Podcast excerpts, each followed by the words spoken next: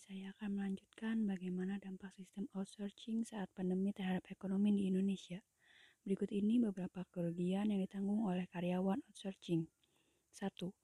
Tidak mendapatkan jenjang karir. Sistem kontrak dari perusahaan yang diterima oleh karyawan outsourcing mempersulit karyawan untuk mendapatkan jenjang karir yang lebih tinggi. 2.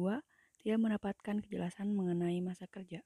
Seringkali karyawan outsourcing tidak memiliki kejelasan masa kerja. Ketika kondisi perusahaan tidak stabil, karyawan outsourcing lah yang paling rentan terhadap pemutusan hubungan kerja atau PHK. Hal ini berarti karyawan outsourcing dapat diberhentikan setiap waktu tanpa mendapatkan pesangon meskipun mereka telah bekerja dalam jangka waktu yang lama. 3.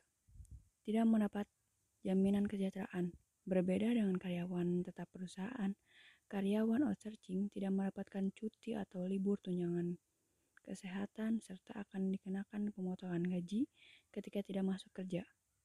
Hal ini banyak dimanfaatkan oleh perusahaan yang curang untuk mengeksploitasi karyawan outsourcing tanpa perlu kehilangan banyak modal untuk membayar tunjangan. Hal ini berarti bahwa karyawan outsourcing telah kehilangan kesempatan untuk menaikkan kesejahteraan hidup dibandingkan dengan karyawan tetap perusahaan. 4. Pendapatan yang terbatas. Sulitnya mendapat pekerjaan pada zaman sekarang menjadi alasan terpaksa para pencari kerja untuk menjadi karyawan outsourcing meskipun dengan penghasilan yang terbatas. 5. Pemotongan gaji yang tidak jelas. Pemotongan gaji yang diberlakukan terhadap karyawan outsourcing adalah sekitar 20 hingga 30 persen dari total gaji yang diterima setiap bulan. Pemotongan ini tanpa adanya kejelasan ataupun transportasi dari pihak perusahaan outsourcing. Kondisi ini tentu saja mempersulit para karyawan outsourcing untuk meningkatkan kesejahteraan hidupnya.